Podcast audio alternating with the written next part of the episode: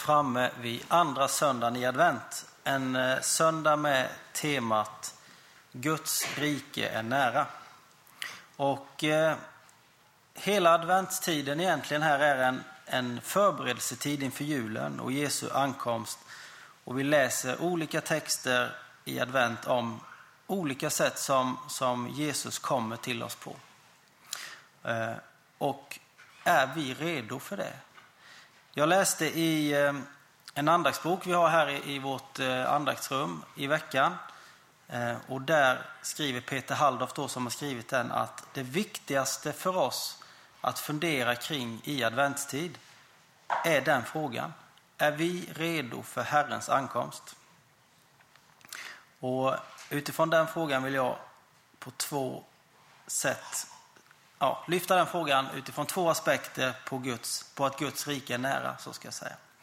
Eh, och det första handlar om, är vi redo för Jesu födelse?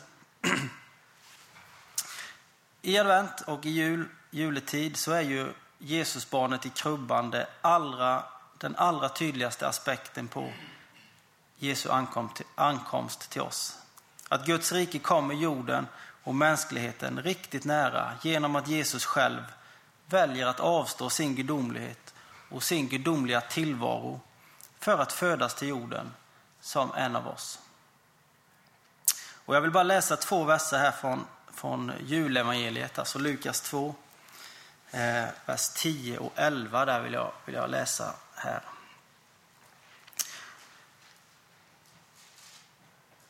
Men ängeln sade till dem, var inte rädda, jag bär bud till er om en stor glädje, en glädje för hela folket.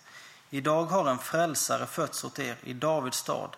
Han är Messias, Herren. Är vi redo för detta? Att Jesus kommer till oss? Eller missar vi så att säga skogen för alla träden? För ibland tänker jag så här kring jul och så. Att vi har så mycket för oss. Vi fixar och donar och det är det ena och det är det andra.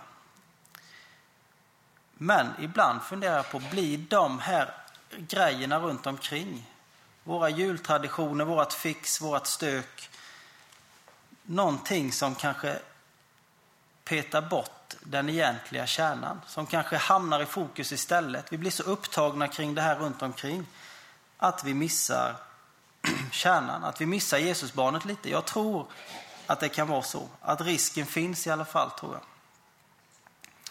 För det är väldigt mycket distraktion kring julen idag. Jag tror vi alla märker av det. Det är så mycket som vill ha vår uppmärksamhet, som vill att vi ska lägga vår energi på just de sakerna i jul, som vill ha våran tid, våra pengar och så vidare. Och i samhället idag så tycker inte jag i alla fall att Jesusbarnet får en jättetydlig central plats i julfirandet. Kanske skulle man kunna säga att, att eh, julen har blivit ganska så sekulariserad eller avkristnad, för att använda ett uttryck.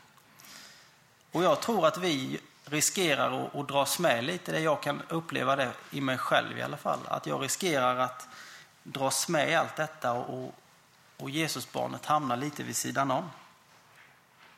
För ungefär ett år sedan så var jag på en föreläsning med en, en, en eh, författare som, som både jag och Evert ganska ofta citerar, han som heter Magnus Malm. Och han sa så här då om sekularisering. Att sekularisering är att peta bort Gud från område efter område och de hålen som uppstår försöker andra makter att fylla. Och det känner jag igen kring jul idag. Att vi petar bort Gud från område efter område och andra makter försöker fylla det hålet som uppstår. Och vad är lösningen på detta? Och Malm menade sen vidare i sin föreläsning, och, eh, och jag tror att han har rätt, att det är upp till oss i kyrkan. Det är upp till oss kristna att inte släppa taget om område efter område där Gud petas bort, utan att vi är en röst och en rörelse som hörs och som är att räkna med och som driver de kristna värderingarna och de kristna innebörderna så att Gud inte petas bort och fylls med något annat. Och hålet fylls med något annat. Och jag tror att du och jag kan göra det där vi finns. Där vi bor, där vi spenderar vår vardag, där vi spenderar vår fritid och så vidare. Där kan vi vara en sån här röst som ser till, till exempel då, att Jesusbarnet blir central i julen. Och jag tror att vi som kyrka har, verkligen har det som uppdrag att göra där vi finns här på Petersberg. Att vara en röst om att Jesusbarnet är julens kärna. Och det är en utmaning för oss och ett uppdrag jag tror att vi behöver ta på allvar. Både för vår egen skull, men också för samhällets skull.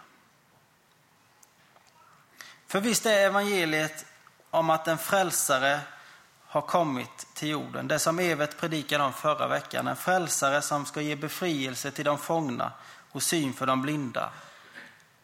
Och en frälsare som har öppnat vägen, gjort vägen möjlig igen för relation mellan Gud och människan. Både här och nu och i evigheten. Visst är det ett icke, oöver, nej, ett icke överträffbart glädjebudskap i advent och jul. Så skulle jag säga. Och som vi hörde här från Lukas 2, det är en glädje för hela folket. Mycket större än något annat som vill ta vår uppmärksamhet i jul. Jag säger inte att traditioner och julstök och sånt runt omkring julen är fel. Absolut inte. Men jag tror att vi får passa oss lite så vi inte missar så att säga skogen för alla träden. Så vi inte petar ut Jesusbarnet för långt åt kanten eller att han hamnar bakom allt det andra. Utan att vi behåller fokuset på och försöker bidra till att Jesusbarnet blir central i jul. Förresten, på baksidan av senaste församlingsnytt så finns det ett förslag på en julandakt. Det kan vara något att ta vara på eh, som en del i detta. Och om vi gör detta så tänker jag att då får vi ett utropstecken här efter det som står på väggen. Istället för ett frågetecken. Att vi är redo för Jesu födelse. Det var det första. Det andra, den andra aspekten, är vi redo för Jesu återkomst? Guds rike är nära, för han ska komma tillbaka. Jesus ska komma tillbaka. Bibelordet som Tommy läste i inledningen från Hebreerbrevet 10, så, eh, som är en av söndagens föreslagna texter, så manar författaren brevets mottagare till att vara uthålliga i tron till dess att Jesus kommer tillbaka och Guds rike kommer fullt ut. De verkade ha tappat glöden lite. De verkade ha börjat fundera lite i banorna på att vända tillbaka till sitt gamla liv, om man nu kan uttrycka sig så. Och för att leda dem på rätt väg och för att uppmuntra dem att vara uthålliga i tron så fortsätter författaren här i det elfte kapitlet med att ge en mängd exempel på förebilder som hade varit uthålliga i tron uthålliga i tron på Gud i hela sina liv. Och vad, och vad det var som kännetecknade dem. Han lyfter i Hebreerbrevet 11 och 13 och ett par verser framåt några aspekter här. Eh, till exempel, de hade bekänt sig vara gäster och främlingar på jorden. Att de inte blickade tillbaka på det de hade lämnat. För de längtade till ett bättre land, ett i himlen. Och innan jag går in lite mer på det så vill jag bara säga att jag tror att samma risker och fallgropar som fanns för dem då, som Hebreerbrevets författare vill på något sätt leda dem förbi, tror jag finns för oss idag. Och jag tror de alltid har funnits och jag tror de alltid kommer finnas till dess att Jesus kommer tillbaka. Sånt som leder till tvivel, till funderingar på om det är värt det, om vi gjorde rätt när vi överlät våra liv till Jesus och så vidare. Så jag tror att dessa exempel här i Hebreerbrevet 11 och den undervisningen som finns där om uthållighet i tron kan hjälpa oss idag precis lika mycket som jag tror det hjälpte dem som det skrevs till. Och de här förebilderna då, såg sig alltså som gäster och främlingar på jorden.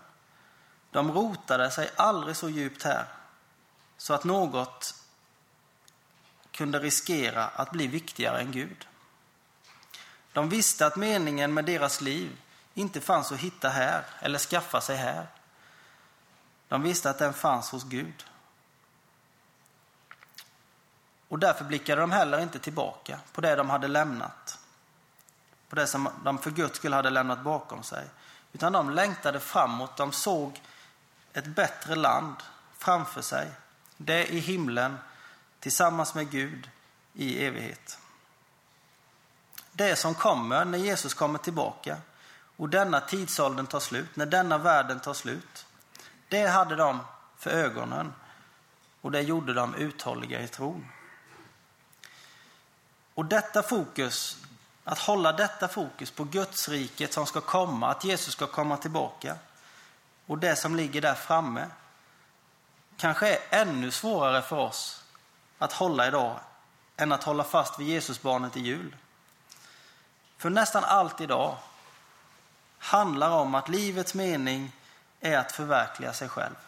Här och nu. Att inte förneka sig någonting eftersom tiden här på jorden är allt vi har och det gäller att göra det mesta möjliga och bästa möjliga av den.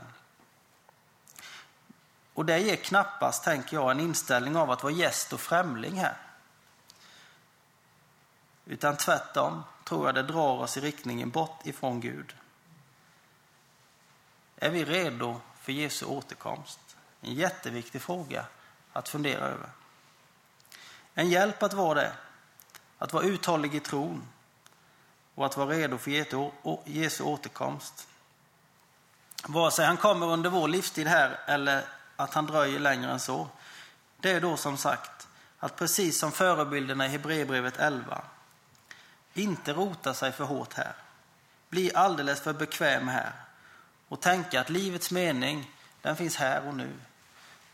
Den finns att hitta och skaffa sig här, någon annanstans än hos Gud. Och att inte kanske slänga för mycket lyssna blickar bakåt i tiden. Hur hade jag det innan jag trodde på Jesus? Är det någonting för mig att återvända till? Utan att lämna det bakom. Och också då att ha blicken fäst på det kommande Gudsriket och Jesu återkomst. Så att det också efter den här rubriken kan stå ett utropstecken istället för ett frågetecken. Att vi helt enkelt är redo för Jesu återkomst när helst han kommer, för det har vi ingen aning om. Så Guds rike är nära. I julens budskap om Jesusbarnet och inför hans andra tillkommelse. Är vi redo?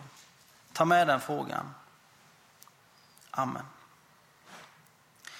Ja, Jesus, tack att du kommer till oss. Tack att du kommer till oss i jul. Att du har fötts hit till jorden.